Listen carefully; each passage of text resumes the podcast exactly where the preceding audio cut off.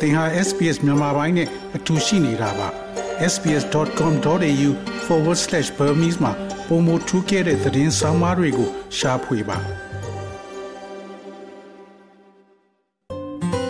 SBS မြန်မာပိုင်းကို အင်ကာနဲ့စနေနေ့ည10:00နာရီမှနားဆင်နိုင်တယ်လို့အွန်လိုင်းကနေလည်းအချိန်မီနားဆင်နိုင်ပါပြီ။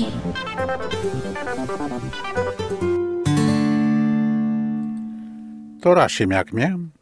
ဩစတြေးလျမှာလေဖြတ်ခံရသူများရဲ့အသက်ကိုကယ်ဆယ်နိုင်ဖို့အတွက် FAST Fast လို့အတူကောက်ခေါ်ရနဲ့ရင်းနှီးသိရှိအောင်လုပ်ချဖို့အတွက်ဆော်ဩနေပါတယ် Stroke Foundation ကလေဖြတ်ပြီးနောက်ပြန်လည်နလန်ထူလာနိုင်ဖို့အတွက်ဌာနေတိုင်းသားတွေကိုကူညီရန်အထူးအစီအစဉ်ပြုလုပ်ထားတဲ့အကူအားထားပြုလုပ်နိုင်မဲ့အရေးမြစ်တစ်ခုကိုစတင်လှုပ်ဆောင်ခဲ့ပါတယ်။ Rachel Marjorie ဟာ2019ခုနှစ်ကသူမအသက်32နှစ်သားရှိသေးတဲ့အချိန်မှာအလုတ်သွားရင်းလမ်းမှာလေဖြတ်တာကိုခံစားခဲ့ရပါတယ်။ The first thing I noticed was both my hands went tingling, um, like pins and needles. And I didn't think anything about it to start off with. And I thought, uh, I'll be right. Then I realized, start realizing that my vision is starting to go splotchy, so like black and white, and I can't focus. ကျမပထမဆုံးသတိထားမိတာကကျမလက်နှစ်ဖက်လုံးမှာထုံကျင်တာကိုခံစားရပြီးစေးထိုးအပ်နဲ့အပ်နဲ့ထိုးသလိုခံစားရပြီးတော့အစပိုင်းကကျမဘာမှမစင်စားမိခဲ့ပါဘူးပြီးတော့ကျမအထင်ကကျမအားလုံးအဆင်ပြေပါလိမ့်မယ်လို့ပါနောက်တော့ကျမအမြင်အာယုံတွေဝေဝါလာတာတွေကိုကျမသတိထားမိလာတယ်အဖြူအမဲတွေလိုပါပဲ ကျမဘာကိုမှအာယုံစိုက်လို့မရတော့ပါဘူးပြီးတော့ဒါကနည်းနည်းထူးဆန်းနေတယ်လို့ကျမထင်မိပါတယ်ပြီးတော့ကျမလက်နှစ်ဖက်လုံးအားနည်းလာတာကို ကျမသတိထားမိပါတယ်သူမအလုပ်ရောက်တဲ့အခါမှာတော့သူမတကယ်ကိုနေမကောင်းသလိုခံစားရပါတယ်ဒါပေမဲ့သူမဟာ St John Ambulance အရာရှိတူဖြစ်ပေမဲ့သူမခံစားနေရတာက လေဖြတ်တာလို့သူမမထင်မှတ်ခဲ့ပါဘူး I didn't receive the facial drip, but I was becoming incoherent and I wasn't able to put my sentences together. I was slurring my speech. Um, I couldn't even focus to unlock my phone so my work colleagues could call my ကျမမျက်နှာအကျော်တွေသေသွားတာမျိုးမရရှိခဲ့ပါဘူး ဒါပေမဲ့ကျမစကားပြောတာတွေကဘလုံးပထွေးတွေဖြစ်ခဲ့ပြီးကျမစာကြောင်းတွေကိုစူးစီးလို့မရတော့ပါဘူးကျမစကားလုံးတွေကဘလုံးပထွေးဖြစ်လာပြီးကျမရဲ့ဖုန်းကိုတောင်ဖွင့်ဖို့အာယုံစိုက်လို့မရပါဘူးဒါမှသာကျမရဲ့လုတ်ဖို့ခိုင်ဘက်တွေကကျမရဲ့ဆွေမျိုးအရင်းတွေကိုဆက်သွယ်နိုင်မှာပါဒါကြောင့်အဲ့ဒီအချိန်မှာတခုခုကအရန်ဆိုးနေတဲ့ဆိုတာသိခဲ့ပါတယ်ဒါပေမဲ့ဘယ်လောက်ဆိုးတယ်ဆိုတာကို ကျမသတိမထားမိပါဘူး CT scan ရိုက်တာပြန်ရတဲ့အချိန်ထိပါနောက်ပြီးတော့ဆရာဝန်ကကျမလေဖြတ်တာကတကယ်ဟုတ်တယ်လို့အတည်ပြုပြောတဲ့ချိန်ထိပါ Elliot Williams ဟာ New South Wales St John Ambulance အတွက်သူနာပြုနဲ့စေကန်လက်တွေကိုဥဆောင်နေသူဖြစ်ပါတယ်သူပြောတာကတော့လူတစ်ယောက်လေဖြတ်နေလားဆိုတာကိုအကဲဖြတ်ပေးနိုင်မဲ့ရိုးရှင်းတဲ့အ တူကောက်ခေါ်တာတခုရှိတယ်လို့ဆိုပါတယ်။အဲဒါကို fast FASD လို့ခေါ်တယ်ဟုဆိုပါတယ်။ F ဆိုတာကတော့မျက်နှာဖြစ်ပါတယ်။ look at the person and see does their face look drooped on one side can they open their mouth လူတူကိုကြည့်ပါသူမျက်နှာကတစ်ဖက်ကိုတွဲကျနေလားသူတို့ပါးစပ်ကိုပုံမှန်ဖွင့်လို့ရလားပြီးတော့အဲ့ဒီလူရဲ့မျက်နှာကအချိုးညီရဲ့လားဒါဆို မျက်နှာတစ်ဖက်လုံးရဲ့အချိုးကတူညီပါလားအေကတော့လက်မောင်းတွေဖြစ်ပါတယ် It's about asking the person whether they can lift both of their arms up whether they can move both of their arms normally ဒါကအဲ့ဒီလူတွေသူ့ရဲ့လက်နှစ်ဖက်လုံးကိုမလို့ရလားဆိုတာကိုမေးကြည့်ပါသူ့ရဲ့လက်နှစ်ဖက်လုံးကိုပုံမှန်ရွှေ့ရှားလို့ရလားပြီးတော့ဒါကအဲ့ဒီလူရဲ့ခြေထောက်အထိကိုကြည့်ပါဒါကြောင့်သူတို့ခြေထောက်နှချောင်းလုံးကိုပုံမှန်အတိုင်းမြင့်တင်လို့ရပါလား S ကတော့ speech ခေါ်တဲ့စကားပြောတာဖြစ်ပါတယ် try and ask the person to talk to you and see whether or not their speech sounds slurred oftentimes when someone's having a stroke uh, their speech can sound သင်ကအဲ့ဒီလူကိုစကားပြောကြည့်ခိုင်းပါသူ့ရဲ့စကားပြောတာကဘလုံးပထွေဖြစ်နေလားဆိုတာကိုကြည့်ပါတစုံတူလေဖြတ်တဲ့အခါသူတို့စကားပြောတာကအထူးသဖြင့်ဘလုံးပထွေဖြစ်နေတယ်လို့ဖြစ်နေပါတယ် ဒါမှမဟုတ်သူတို့စကားလုံးတွေပြောဖို့ဒါမှမဟုတ်အရာတွေကိုသာမန်နီးနဲ့ပေါ်ပြနိုင်ဖို့သူတို့အတွက်အရန်ကိုခက်ခဲနေပါလိမ့်မယ်ဒီကတော့အချိန်ပဲဖြစ်ပါတယ် The longer you leave someone without medical care for a stroke the higher the risk of permanent brain damage so it's about saying if any of the things in the fast assessment uh, are positive that is if they've got a facial droop if they can't lift their arms uh, or if they've got slurred speech, that you need to call triple zero for an ambulance immediately. ဒီဖြတ်တာအတွက်စေဝါကုသခံယူဖို့လူတယောက်ကိုကြာကြာထားလေအုံနောက်ပျက်စီးနိုင်ဖို့ကပုံမြင်မာလာလိဖြစ်ပါတယ်။ဒါကြောင့် fast အကဲဖြတ်မှုမှာဘယ်အရာတွေကအပြုသဘောနဲ့ပါလဲဆိုတာဖြစ်ပါတယ်။အဲ့ဒါကသူ့ရဲ့မျက်နှာတွဲချနေလားဒါမှမဟုတ်သူ့ရဲ့လက်ကိုမလို့ရရဲ့လားဒါမှမဟုတ်သူစကားပြောတာက ဘလုံးပထွေဖြစ်နေလားဒါဆိုရင်တော့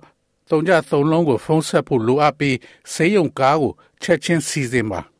တစ်ချိန်တည်းမှာဒီယောဂလက္ခဏာတွေဘယ်အချိန်ကစလဲဆိုတာကိုသိထားရင်တော့အရန်အကျိုးရှိပါတယ်။ဘာကြောင့်လဲဆိုတော့ဒါကဆေးရုံမှာရှိတဲ့ကျန်းမာရေးကျွမ်းကျင်သူများအတွက်အမှန်တကယ်အရေးကြီးတဲ့အချက်တွေဖြစ်နိုင်လို့ပါ။အဲ့ဒီလူတူတယောက်အတွက်သင့်တော်မဲ့ကုသမှုကဘာလဲဆိုတာကို ဆေးပညာရှင်တွေက ဆုံးဖြတ်နိုင်မှာဖြစ်ပါတယ်။အုံနောက်ကိုသွေးပို့တာဆုံးရှုံးတဲ့ခါမှာလေဖြတ်တာကိုခံစားရပါတယ်။ဒါကအုံနောက်မှာသွေးကြောပိတ်တာသို့မဟုတ်သွေးကြောပေါက်တာကြောင့်ဖြစ်နိုင်ပါတယ်။ဒါကကဘာတဝမ်းမှာရှိတဲ့လူလေးဦးမှာတူဘောမှာတက်ရောက်မှုရှိစေပြီးဩစတြေးလျမှာအမျိုးသမီးများရင်သားကင်ဆာနဲ့အမျိုးသားများစီဂျိတ်ကင်ဆာကြောင့်အသက်သေဆုံးတာထက်လေဖြတ်လို့အသက်သေဆုံးတာကပိုများပါတယ်။ Jude Charankovsky ဟာ Stroke Foundation ရှိ Stroke Connect ရဲ့နိုင်ငံအမျိုးသားမန်နေဂျာဖြစ်ပါတယ်။သူမက လေဖြတ်တာကို အသက်ကြီးသူများမှာ ဖြစ်ပေါ်စေတဲ့ယောဂလို့အမြဲတွေးခေါ်နေချိန်မှာမြည်သည့်အသက်အရွယ်မဆိုအချိန်မရွေးဖြစ်နိုင်တဲ့ဆိုတာကိုမြင်တွေ့နေရတယ်လို့ဆိုပါတယ် As you start to get older your risk of having a stroke does increase but apart from that um stroke can actually happen to anyone really at any age in their life. So there's a very small number သင်အသက်ကြီးလာတာနဲ့အမျှလေဖြတ်နိုင်ဖို့ကပုံများလာပါတယ်။ဒါပေမဲ့အဲ့ဒါကလွဲလို့ဘယ်သူမဆိုဘယ်အသက်အရွယ်မှမဆိုလေဖြတ်နိုင်ပါတယ်။ဒါကြောင့်နှစ်စဉ်လေဖြတ်တာကအရေးအတွက်နေတဲ့ကလေးတွေကနေအလုတ်လုတ်တဲ့အသက်အရွယ်တွေအသက်ကြီးသူတွေအထိဖြစ်နိုင်ပါတယ်။သူမပြောတာကသွေးတိုးယောဂါကလေဖြတ်တာမှာ အရေးကြီးဆုံးအန္တရာယ်တစ်ခုဖြစ်တယ်လို့ဆိုပါတယ် So people need to know what their blood pressure is and work with their doctor to manage it. Apart from that, the risk factors are mainly the things we all know about. So it's about doing the things that we know are good for us and keep us feeling really good. Eat well, keep a healthy weight. ဒါကြောင့်လူတွေဟာသူတို့သွေးပေါင်ချိန်ကိုသိကြဖို့နဲ့ဒါကိုထိမ့်သိမ့်နိုင်ဖို့သူတို့ရဲ့ဆရာဝန်တွေနဲ့ပူးပေါင်းပြီးဆောင်ရွက်ဖို့လိုအပ်ပါတယ်။ အဲ့ဒါကလွဲလို့အန္တရာယ်အချက်လက်များကိုအဓိကအားဖြင့်ကျွန်ုပ်တို့အားလုံးသိတဲ့အရာတွေဖြစ်ပါတယ်။ဒါကြောင့်ကျမတို့သိတဲ့အရာတွေကိုလောက်တာက ကျမတို့အတွက်တကယ်ကောင်းတယ်လို့ခံစားရနိုင်ပါတယ်။ကောင်းကောင်းစားပါ။ကျမ်းမာတဲ့ကိုယ်လေးချိန်ကို ထိန်းထားပါ။စိတ်လိမ်မသောက်ပါနဲ့။လေးချင်ကန်းတစ်ခုလုပ်ပါ။အရက်နဲ့လေဖြတ်နိုင်တဲ့အကြောင်းကိုသင်ဆရာဝန်နဲ့ဆွေးနွေးကြည့်ပါ။သူမမှာလေဖြတ်တာနဲ့ပတ်သက်တဲ့ အန်ရဲ့အခြေခံအကြောင်းရင်းများမရှိတော့လဲ Rachel Marjorie ကသူမကိုသူမကံကောင်းသူတယောက်အနေနဲ့သတ်မှတ်ပါတယ်။သူမရဲ့လှုပ်ဖော်ကံမဲ့တွေက သူ့ကိုတကယ်အားပေးခဲ့ပြီးတခါတရံမှာသူမစကားပြောတာနဲ့ပတ်သက်လို့ပြဿနာနည်းနည်းရှိတာကလွဲလို့ရုပ်ပိုင်းဆိုင်ရာအရာအားလုံးကအဆင်ပြေတယ်လို့ဆိုပါတယ်။ စိတ်လှုပ်ရှားစရာကောင်းတဲ့ roller coaster တစ်ခုလိုဖြစ်ခဲ့တော့လဲအတွေ့အကြုံများကသူမအလုံးမှာအထောက်အကူဖြစ်တယ်လို့ဆိုပါတယ် It's interesting when you if you've taken someone who has had a stroke and they're older and then I tell them that I've had one and the look on their face they're like no you're too young and I'm like strokes can happen in young people it doesn't have to be older generation it can be သင်ဟာလေဖြတ်ဘူးသူတယောက်ဖြစ်ပြီးအသက်ကြီးလာတဲ့အခါကိုကြည့်ရင်စိတ်ဝင်စားဖို့ကောင်းပါတယ်ပြီးတော့ကျမကသူတို့ကိုကျမလေဖြတ်ခဲ့တာရှိတယ်လို့ပြောတဲ့အခါသူတို့ကမဖြစ်နိုင်ဘူးသင်ကအရန်အသက်ငယ်သေးတယ်လို့သူတို့ကကျမကိုပြောပါတယ်ပြီးတော့ကျမကလေဖြတ်တာကလူငယ်တွေမှလည်းဖြစ်နိုင်ပြီးအသက်ကြီးတဲ့မျိုးဆက်ဖြစ်เสียမလိုဘူး မမွေးသေးတဲ့ကလေးတွေတောင်လေဖြတ်နိုင်ပါတယ်။ဒါကြောင့်လူနာတွေကိုဆေးရုံကားနဲ့တင်ဆောင်သွားတဲ့ချိန်မှာသူတို့နဲ့ဒီအကြောင်းနဲ့ပတ်သက်လို့ဆွေးနွေးရတာတကယ်ကိုကောင်းပါတယ်။ဘာလို့လဲဆိုတော့ကျမသူတို့နဲ့ထပ်တူအနေငယ်ခံစားပေးနိုင်လို့ပါ။ Aborigine နုံကယောက်ျား Justin Kick ကတော့သိတ်ကမကောင်းခဲ့ပါဘူး။ I noticed when I was having drink water, water was running down the side of my chin. And then I sang out to my wife. I said to her, I said, um, ကျွန်တော်ရေတောက်နေရင်ကျွန်တော်မေးစေနားကရေတွေစီးဆင်းနေတာကိုကျွန်တော်သတိထားမိတာနဲ့ကျွန်တော်ဇနီးကိုလှမ်းခေါ်လိုက်ပါတယ်ကျွန်တော်ကသူ့ကိုကျွန်တော်တခုတော့ဖြစ်နေပြီလို့ထင်တယ်လို့သူမကိုကျွန်တော်ပြောပြပါတယ်ကျွန်တော်လမ်းလျှောက်တာကပုံမှန်မှန်ဖြစ်နေပါတယ်ကျွန်တော်လမ်းလျှောက်ရတာသိမကောင်းလို့မင်းငါ့ကိုခဏလာကြည့်ပေးလို့ရမလားသူမိမက လေဖြတ်တဲ့လက္ခဏာတွေကိုချက်ချင်းသတိပြုမိတာနဲ့သူ့ကိုဆေးရုံကိုအလင်းမြန်ပို့လိုက်ပါတယ်။ဒါပေမဲ့အခုလိုလင်းမြန်စွာတုံ့ပြန်ခဲ့ပေမဲ့ Justin မှာသာရပျက်စီးမှုများနဲ့ကြံရစ်ခဲ့ပါတယ်။၎င်းဟာသူ့ရဲ့ညာလက်ယုံအသုံးပြုနိုင်တာကိုဆုံးရှုံးခဲ့ပြီးလမ်းလျှောက်တဲ့အခါမှာလည်းအနေငယ်ထောနဲ့ထောနဲ့ဖြစ်နေပါတယ်။ try to use my left hand to write and stuff like that. And, um, had to get the car modified so I could drive. ကျွန်တော်ဘယ်ဘက်လက်ကိုသုံးပြီးစာရေးတာတို့လှုပ်ဖို့ကြိုးစားပါတယ်ကျွန်တော်မောင်းလို့ရအောင်တက္ကစီကို ပြုပြင်ပြောင်းလဲထားပါတယ်ကျွန်တော်ရဲ့ဖနက်ကြိုးကိုကျွန်တော်မချီနိုင်ပါဘူးဒါကြောင့်ကျွန်တော်ဖနက်ကြိုးကိုချီပေးမဲ့လူတစ်ယောက်ကိုကျွန်တော်ခေါ်ရပါတယ်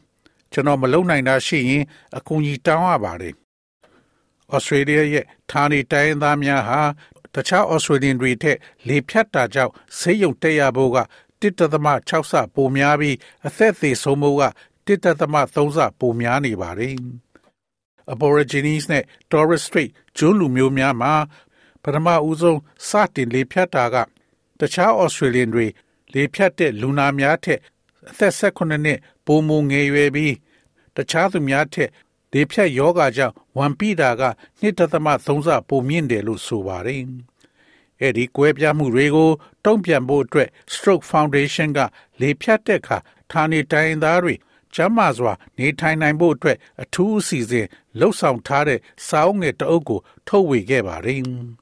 ။ကျွန်ုပ်တို့ရဲ့အဲ့ဒီလေဖြတ်တဲ့ခီးကိုဌာနေတိုင်းသားများနဲ့ပူးပေါင်းပြီးစီစဉ်ခဲ့တာဖြစ်ပါတယ်။ Jude Cherenkowski ကလေဖြတ်တာနဲ့ပတ်သက်တဲ့အဓိကအချက်လက်တွေကိုဖြန့်ချီဖို့ကူညီရမှာ ယဉ်ကျေးမှုနဲ့သက်ဆိုင်တဲ့အရင်အမြစ်တွေရှိဖို့ကအရေးကြီးတယ်လို့ပြောဆိုပါတယ် There are specific things that those communities really like to see in their health information and basically the more likable the resource is so it's written in a way that is um, good for culture and community and it's presented the way it looks and it includes stories from people Aboriginal အဲဒီတိုင်းဝိုင်းများဟာသူတို့ရဲ့ချမ်းမာရေးအချက်လက်တွေမှာအမှန်တကယ်မြင်ကျင်တဲ့တိကျတဲ့အရာတွေရှိပါတယ်အခြေခံအားဖြင့်ပိုလို့နှစ်သက်ဖွယ်ကောင်းတဲ့အရင်းအမြစ်တွေပါ ဒါကြောင့်ဒါကယဉ်ကျေးမှုအဆိုင်ဝိုင်းအတွက်ကောင်းမွန်တဲ့နီးလန်းနဲ့ရေးသားထားတာဖြစ်ပါတယ်ပြီးတော့ဒါကသူတို့ရဲ့ပုံပန်းသဏ္ဍာန်ကိုမြင်ရတဲ့အတိုင်းတင်ဆက်ပေးထားတာဖြစ်ပြီး Aboriginal နဲ့ Torres ကျွန်းနောက်ခံကပုံမြင်တွေကိုပါထည့်သွင်းပေးထားပါတယ်အဲ့ဒီအရာများအတွက်နေရာပိုရလေဒီအထဲကိုတကယ်တမ်းဝင်ရောက်လို့သူတို့ဖတ်ကြမှာပါ သူတို့လိုအပ်တဲ့သတင်းချက်လက်တွေကိုရယူပြီးသူတို့ရဲ့မိသားစုတွေနဲ့မိတ်ဆွေတွေကိုဝေမျှပေးမဲ့အခြေအနေများကို ပုံမဖြစ်စေပါတယ် Justin Kiki ရဲ့ဇာလန်ကို Our Stroke Journey မှာအသုံးပြုတဲ့ဇာလန်တွေထဲမှာတစ်ခုအနေနဲ့ပါဝင်ခဲ့ပါတယ်။သူလေဖြတ်တဲ့အချိန်ကသာဒီစာအုပ်ငယ်ကိုသာရရှိခဲ့ရင်သူပြန်လဲနလန်ထူတဲ့နေရာမှာအကူအညီဖြစ်မှာကို သူယုံကြည်တယ်လို့ပြောဆိုပါတယ် Over time you learn to live with it because the way I think if you dwell on what happened to you you're sort of like you won't go anywhere so when I think about it and talk about it it helps me to move forward when I think about အချိန်ကြာလာတာနဲ့မျှဒီလေဖြတ်တာနဲ့နေတတ်ဖို့ဖြစ်လာပါတယ်ဘာလို့လဲဆိုတော့သင်မှာဖြစ်ပျက်ခဲ့တဲ့အပေါ်မှာသင်အာယုံစိုက်နေမယ်ဆိုရင်သင်ဘဲမှမရောက်နိုင်ပါဘူးအဲ့ဒါကိုကျွန်တော်စဉ်းစားပြီးအဲ့ဒီအကြောင်းကို ထုတ်ပြောတဲ့အခါအဲ့ဒါကကျွန်တော်ကို ရှေ့ဆက်ဖို့အတွက်အကူအညီပေးပါတယ်ကျွန်တော်ဘာဖြစ်သွားလဲဆိုတာကိုစဉ်းစားပြီးကျွန်တော်လေဖြတ်တာကိုဘလို့ဖြတ်သန်းလာလဲတခြားလူတွေကို ကျွန်တော်ဘလို့ကူညီနိုင်မလဲဆိုတာကိုစဉ်းစားပါတယ်ကျွန်ုပ်တို့ရဲ့ stroke journey စာအုပ်ငယ်များကိုယခုနှစ်နှောင်းပိုင်းမှာအင်္ဂလိပ်ဘာသာမှလွဲလို့တခြားဘာသာစကားများနဲ့ရရှိနိုင်မှာဖြစ်ပါတယ် FAST နဲ့ပတ်သက်တဲ့အချက်လက်များကို Stroke Foundation ရဲ့ website မှာ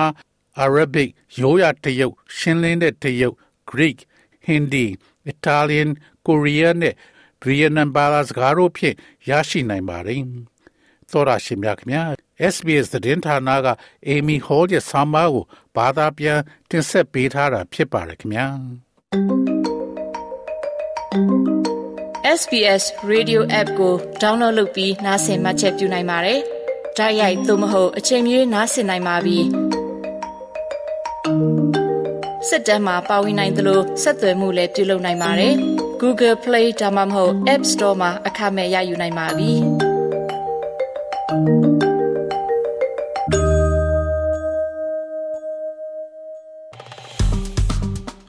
SBS မြန်မာပိုင်းကို Facebook ပေါ်မှာ like ရှာပြီး like မျှဝေမှတ်ချက်ပေးပါ